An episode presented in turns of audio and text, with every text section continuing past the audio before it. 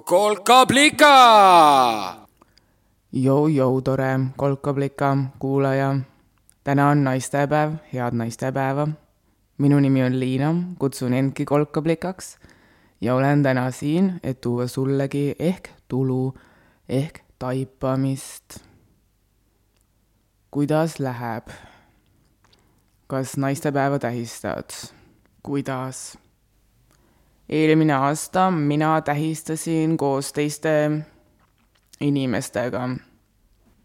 tähistasin naisi ja naiseks olemist. ma nüüd ju ka umbes aasta olen end naiseks pidanud. tähistasin koos tõesti teiste inimestega, oli nii mehi kui naisi kui kõiki muid spektri esindajaid. ja meid oli kohe nagu nii palju koos, et ajalehes pärast kirjutati, et naistepäeva demonstratsioon see aasta ma jään äh, koju, demonstra-, demon-, demonstreerima ei lähe, numbrid äh, on äh, liiga kõrged, hirmsad, teame küll, mis numbrid, risk on liiga suur, ise haigus kätte võtta, ise haiguskopsu tõmmata ja kuigi täna riski ei ole, et mina kellelegi annaksin haiguse, sest alles üleeile sain kõrvatikuga ninna jälle, siis on ju võimalus, et äh, täna minnes ehk äh, järgmine nädal ma juba annaksin kellelegi teisele, kes äh, ehk haigust üle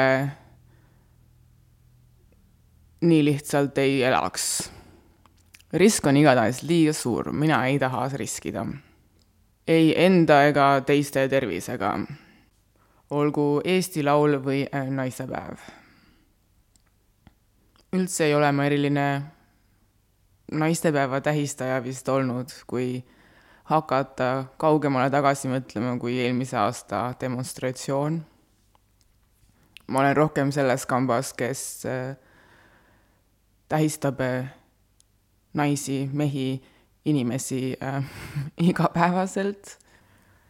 lillemüüjate lisatulu üle muidugi on hea meel, kuigi siin vist on see küsimus, et äh, kas lisatulu peab olema üllatuslik, ma olen suht veendunud, et nad on äh, tänase hüppe oma eelarvesse ju sisse kirjutanud tegelikult juba varasemalt.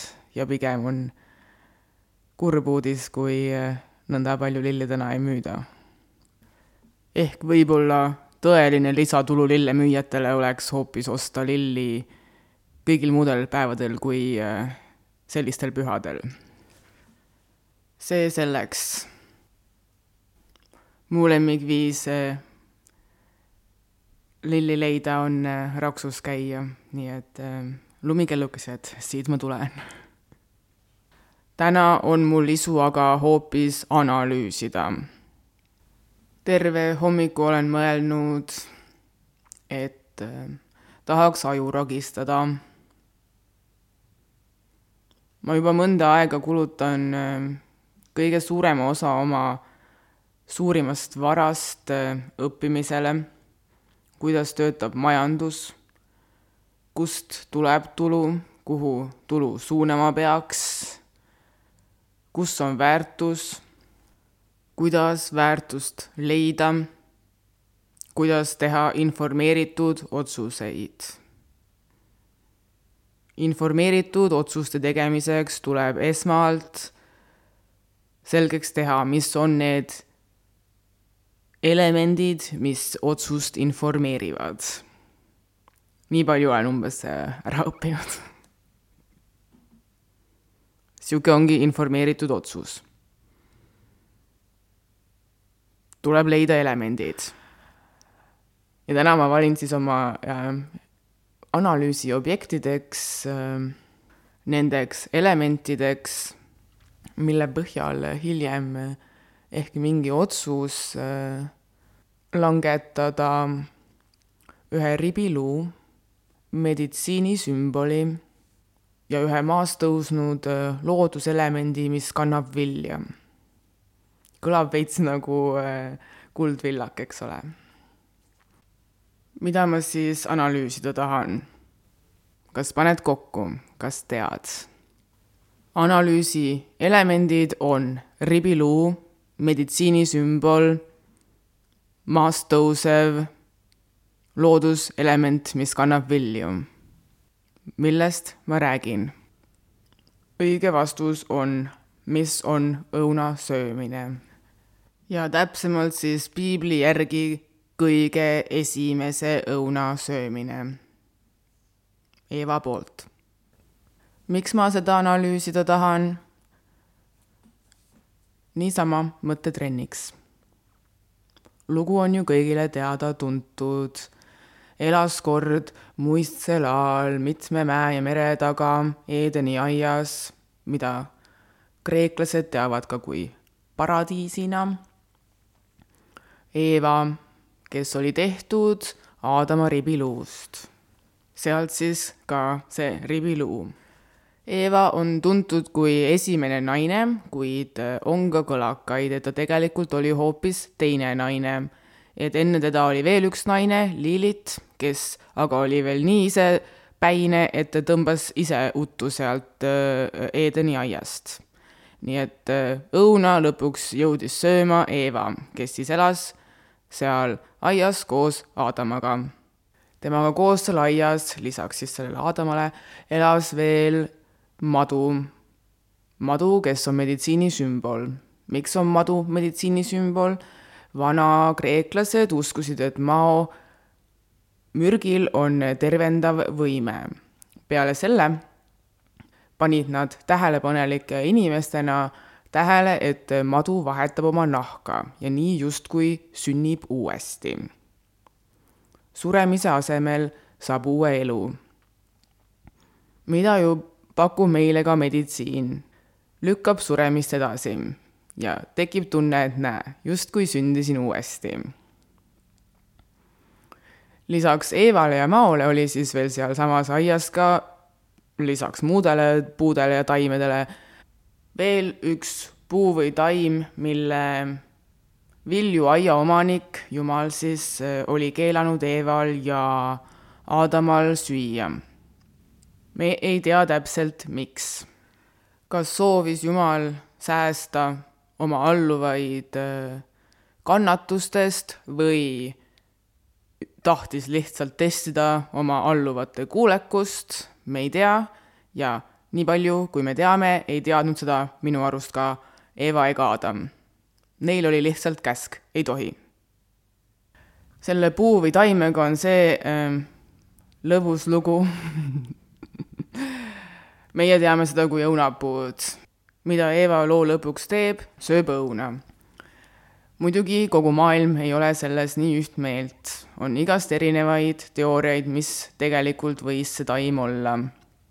Noh, kõige populaarsemad muidugi on teooriad erinevatest puudest ja on seotud äh, sarnaselt äh,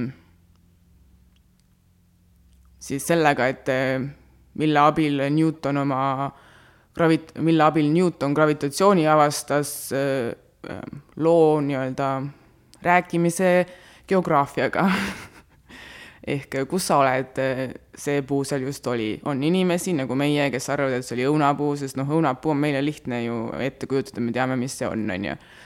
samamoodi mõned arvavad, et see oli äh, hoopis granaatõun, sest noh, nad eeldavad, et äh, paradiis asus samamoodi seal äh, Lähis-Idas, kuigi noh, tegelikult paradiis võib ükskõik kus asuda, on ju, mõned arvavad, et see oli viigipuu, mõned arvavad, et need olid üldse hoopis viinamarjad ja tegelikult, mida üldse Eva tegi, oli see, et ta jõi veini. Need on mingid variandid, mida arvatakse õuna asemele. samuti kuulsin, et mõni arvab, et tegemist oli hoopis nisuga, mis pole ju absoluutselt üldse puu, on ju. vili hoopis. ja kõige põnevam variant, mis ma välja uurisin, on see, et arvatakse, et Eva sõi hoopis tseeni Eva sõi seeni ja siis veel täpsemalt psühhedeelseid seeni.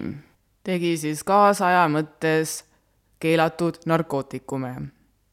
mis on nagu põnev lugu, sellepärast et ma just hiljuti lugesin, kuidas äh, on uuesti nii-öelda populaarsust äh, kogumas äh, teooria, et seened meist inimesed tegidki. täitsa nagu teaduslik teooria, nagu ülikoolides uuritakse teooria. Nimelt mõned aastad, ma ei tea, isegi kümnendid vist tagasi, mingi onu tuli välja teooriaga, pilves ahvi teooriaga. teooriaga siis, et psühhedeelsed seened oli nagu see lüli, mis püsti, lihtsalt niisama püstiseisvast inimesest tegi homo sapiensi. ehk enne homo sapiensi oli homo erectus, noh, alguses me olime ahvid, on ju, ja siis see ahv hakkas vaata järjest rohkem nagu püsti tõusma ja siis see moment, kui noh, me olimegi ainult kahe jala peal ja saime ainult kahe jala peal liikuda, et see oli nagu niisugune, et noh, nüüd juba peaaegu nagu inimene, on ju. aga see inimene veel äh, ei kasutanud tööriistu ega joonistanud koopa seina peale ega ka vestelnud teise inimesega, seda kõike viimast tegi juba homo sapiens ja siis on olnud küsimus, et noh, kuidas see nagu hüpe käis püstiseisvalt inimeselt töökaks, loominguliseks, teisega suhtlevaks inimeseks. ja selle teooria kohaselt siis, pilvesahvi teooria kohaselt oli selleks vahelüliks või selleks katalüsaatoriks, katalüsaatoriks, kas see sõna on, seened, psühhedeelsed seened. noh, et need eellased, homo erectused kõndisid seal oma looduses ringi, siis leidsid metsas seeni, aga nemad ju ei teadnud, polnud neil mingisuguseid seaduseid, millised seened on legaalsed ja millised illegaalsed, mida tohib tarvitada, mida ei tohi tarvitada, millist seent süües sa absoluutselt kohe klõks ära sured, umbes nagu mingid mürgiseened, on ju või noh, milline seen täpselt sobib sousti peale, nad pidid kõike järjest proovima, on ju. et noh, neid teadmisi saada. Ja noh, niimoodi nad siis koperdasid ka nende psühhedeelsete seente otsa. ja kõik see kogemus, mida nad siis seeni tehes tundsid, kuidas nende nii-öelda teadlikkus või teadvus, avar, avardus tänu sellele tekkisid nagu ajus siis uued lülid, mis viisid meid selleni, et me nüüd teeme kunsti, kasutame tööriistu ja oskame üksteisega rääkida.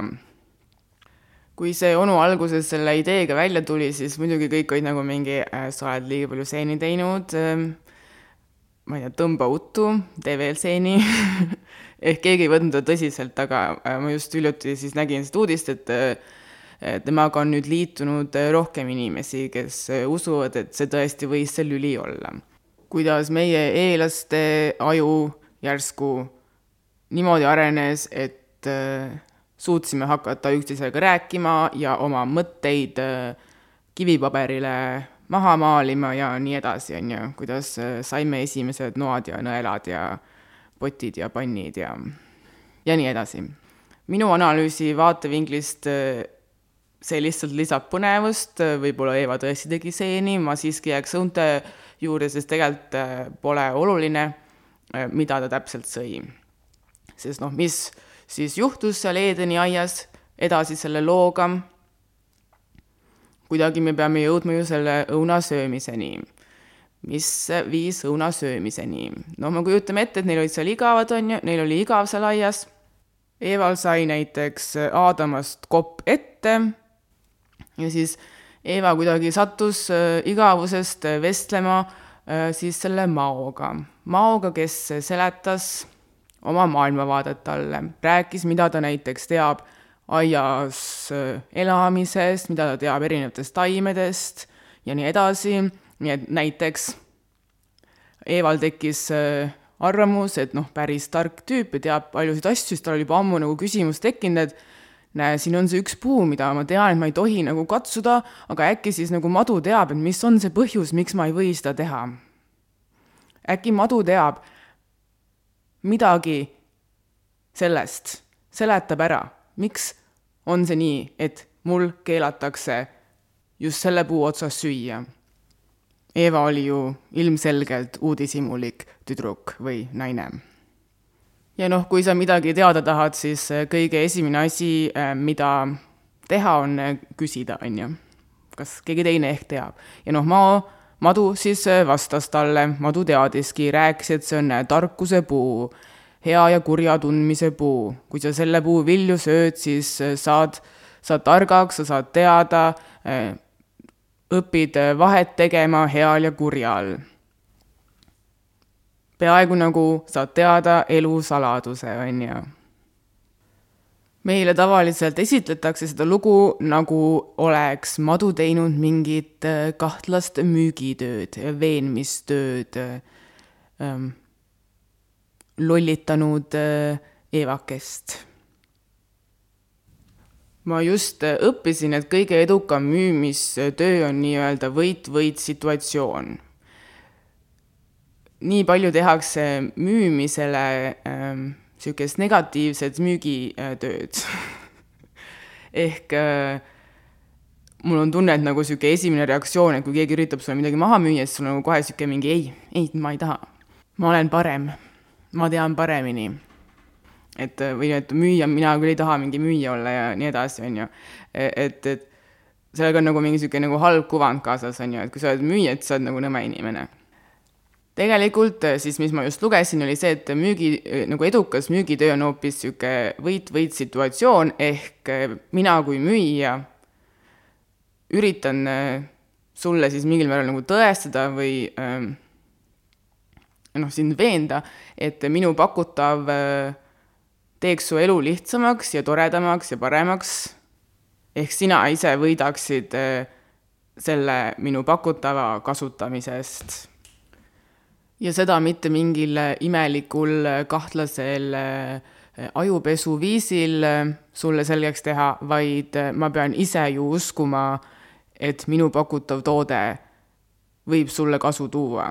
ja kui ma ei, nagu hakkama ei saa sellega, et sina ei veendu, siis ma olen lihtsalt halba müügitööd teinud igatahes võim jääb sulle ja noh, võit, võit tuleb siis sellest, et kui ma olen edukas olnud oma töös, võidad sina ja võidan ka mina. Mitte ei võida ainult mina, kes ma olen tulu teeninud ja sulle midagi maha müünud. no ma ei tea, mis tulu see madu sellest müügist oleks võinud saada. võib-olla tõesti olid tal mingisugused kahtlased äh, motiivid, nagu tahtis Eevat oma usku pöörata. võib-olla. tegelikult ei ole üldse nii oluline, sest äh, minu versioonis Eeva ju tundis ise huvi. esiteks ja teiseks, kui Eeva ei oleks ka ise huvi tundnud, oleks otsus ikkagi olnud Eeva teha. ei toppinud ju see madu äh, vägisi talle seda õuna suhu. Eeva võttis vastu otsuse, Eeva teadis, mis ta teeb. kas Eeva oli loll, et ta maonõul õuna sõi? ei. miks? Sest sellisel juhul on lollid kõik inimesed, kes soovivad targemaks saada, kes ihaldavad targemaks saada ja on valmis selle nimel riske võtma. ja teiseks peab ju meeles hoidma, et Eeval oli täpselt äh, kaks infoallikat, mille vahel valida. nii et tegelikult nagu suht lihtne töö isegi, tal oli üks keelav jumal ja siis äh, madu, kes äh, rääkis talle, mis see puu teeb. ülejäänud oli Eva enda teha ja noh, üldiselt ikkagi mina lolliks neid inimesi ei kutsu, kes äh, kaalutleda julgevad, kes julgevad läbi mõelda oma otsuseid, kes äh, enne õuna söömist ka tead, panevad maha need tehnilised ja fundamentaalsed analüüsid, umbes nagu hakkaks mingit aktsiat ostma, on ju. ja noh, teine asi, lolliks kutsuda või mitte, kohe tekib ju küsimus, et mille põhjal sa seda nagu lollust hindad. tagajärgede hetkel ju, kui sa otsust teed, riski nagu olemus ongi see, et sa tegelikult sada protsenti ei tea, mis sealt tulema hakkab. sa tead riske, sa tead, et seal võib mingid tagajärjed olla, kuna sa ju tead, et sul on see keelatud olnud, on ju. ehk kui sa nagu natukenegi mõtled, sa ilmselt ka nagu eeldad, et teisel, kes on keelanud, võivad tekkida tunded, kui sa ta nagu käsku ei kuula ja kui sa nüüd tahad mulle vastu vaielda, et see oligi ju kõige esimene karistus üldse meie inimajaloos, siis äh, ma ikkagi arvan, et loogiliselt saab jõuda selle järelduseni väga lihtsalt puhtalt mõeldes, mida sa ise tunneksid, kui äh, sina oleksid kedagi käskinud ja su käsku ei võeta kuulda, nii et see on täiesti võimalik, et Eva mõtles oma riskid läbi, isegi siis, kui see oligi tõesti esimene karistus äh, inimajaloos. ta võib-olla tõesti jah, ei teadnud, et teda nüüd kohe sellepärast nagu kodust välja visatakse, aga noh, on võimalik, et ta, tal oli äh, ikkagi nagu mõtetesse pot-, võimalus, et mingid tagajärjed sealt tulevad. ja noh, ilmselgelt siis Eva jaoks kaalus võimalik võit õuna söömisest selle riski üle. riski karistada saada. Ta oli veendunud, et tarkus on see, mida tema tahab taga ajada, tema tahab teada rohkem, tema äh, tema ei lepi lihtsalt selle tuima paradiisi eluga, vaata kõik kohad lähevad lõpuks nagu tüütuks, on ju, või noh, niisugune üksluisus ei meeldi kellelegi, isegi siis, kui sa oled mingi paradiisis, on ju. Paradiisis mõeldud kellegi alluvaks, tehtud taribiluust nii et loll kohe kindlasti Eva ei olnud. Eva oli julge. Eva oli uudishimulik. Eva tahtis midagi enamat kui tema hetkeolukord. Eva oli valmis midagi tegema, et hetkeolukorda muuta. Eva astus oma mugavustsoonist välja nii et mida sümboliseerib siis õuna söömine?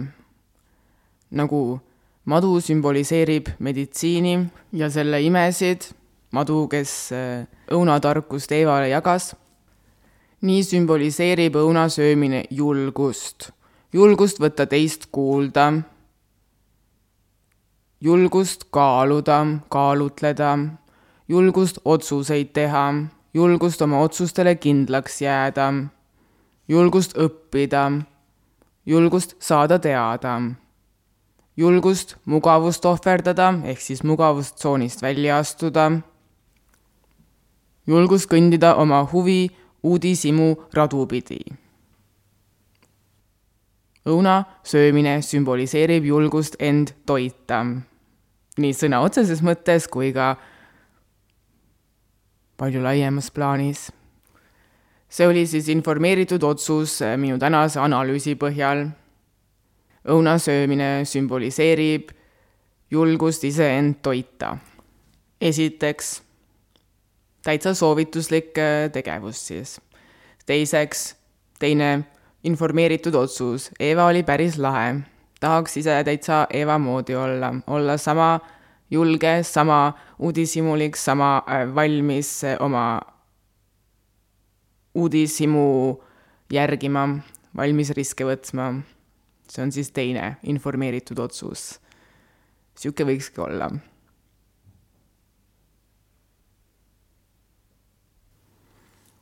kui veel nagu natukeseks äh, sellesama loo juurde jääda, sest noh, mõned minutid on veel äh, aega antud. Aeg ongi meie see kõige suurem vara, mida mina siin viimasel ajal majandusest õppimisele kulutan. kui jääda veel korraks Eeva loo juurde, siis mida sealt võib veel õppida? Või nagu äh, tarkust erana kaasa võtta, kõrva taha panna, võib-olla veits nagu niisugune vägivaldselt väänatult, aga keda kotib võtan riski. mis siis juhtus, kui äh, Eva oli õuna söönud? ta sai teadlikuks oma alasti olekust. ja kuna tema järgmine käik oli hakata endale riideid valmistama, siis viigipuulehtedest arvatakse, et äh, tarkuse puu küljest hea ja kurja tundmise vilja süües sai ta teadlikuks äh, oma häbitundest, ta hakkas tundma häbi oma alasti oleku üle. mida äh, võib ka tõlgendada kui, et äh, ta sai teadlikuks sellest, et ta ei ole perfektne. et tal on näiteks vigu. Mina ei tea, miks peaks äh, sellise arusaamise järel esimese asjana tahtma endale riideid selga panna, aga noh, see selleks. üks variant veel on ka see, et äh, ta nagu koges esimest korda sedasama impulssi, mida nagu väga-väga palju hiljem on kogenud näiteks Virginia Woolf, kui ta kirjutas selle raamatu, et ma ei tea, kuidas see eesti keeles on, omaenda tuba või? Virginia Woolf siis äh, mõistis, et olla noh, päriselt äh, edukas äh, naiskirjanik, sul on vaja kahte asja, sul on vaja raha, et iseenda üleval pidada, mitte olla teistest sõltuvuses ja sul on vaja oma tuba, oma ruumi, oma kohta, kus siis iseseisvalt oma mõtteid mõelda, tegeleda nende asjadega, mis sulle nagu endale pähe tulevad, ehk Eeval sarnase impulsina tal tekkis siis nagu võib-olla vajadus hoopis nagu privaatsuse järele, oma etteolemise järele. sest noh, kattis ta ju privaatalad äh, oma kehal, on ju. häbi kohta siiski on nagu äh, midagi öelda siin, sest omast kogemusest ma olen tähele pannud, et äh, üks kõige nagu hirmsamaid asju, mida mina elus teinud olen, ongi julgus, julge olemine. suht nagu paradoksaalne aga äh, samas ka mitte. noh, julgus, mugavustsoonist välja astumine tavaliselt nagu tähendab seda, et sa, sa teed midagi teistmoodi. võib-olla teistmoodi kui teised, võib-olla teistmoodi, kui sa ise oled harjunud ja tihti võib seal niisugused nagu häbilaadsed tunded kaasas käia küll. tunned, et nagu ebakindlust mis on ka nagu veits nagu häbi, sellepärast et oled näiteks teistsugune teistest, ma ei tea, tahad kanda mingeid äh, riideid, mis ei ole hetkel moes või ähm, ei tahagi äh,, ma ei tea, ülikooli minna näiteks või tahad jälle töökohta vahetada, kuigi alles poole aasta tagant vahetasid, on ju, või noh, niisugused nagu mittetavalised äh, massili-, massilikult käituvad mugavad asjad, on ju minu puhul äh, nad on isegi tihti enne julgustükki, ma maadlen nende häbilaadsete tunnetega. või noh, see häbi on nagu niisugune võib-olla ähm, ma ei tea, häbi iseenda pärast. Või no miks ma pean jälle nii imelik olema?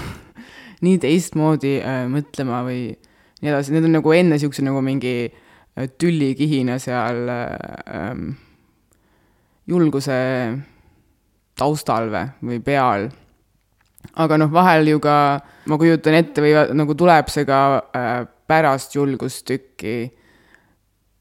ma ei tea, oledki julgenud panna mingi seeliku selga, ise võib-olla poiss on ju läinud äh, kooli ja siis äh, ma ei tea, kõik need enda arust mingid hullud machod mehed äh,, väiksed poisid äh, nagu naeravad su välja ja siis äh, noh, sihuke, see, selles momendis see häbitunne võib, on ju äh,, jälle seda julgust nagu tappa, on ju pärast julgusmomenti, siis eks ta niisugune nagu ringiratast äh, värk ongi, ehk siis kui sa oled juba ühe korra nagu põletada saanud, siis äh, järgmine kord on nagu vaja veel rohkem julgust äh, kuskilt leida.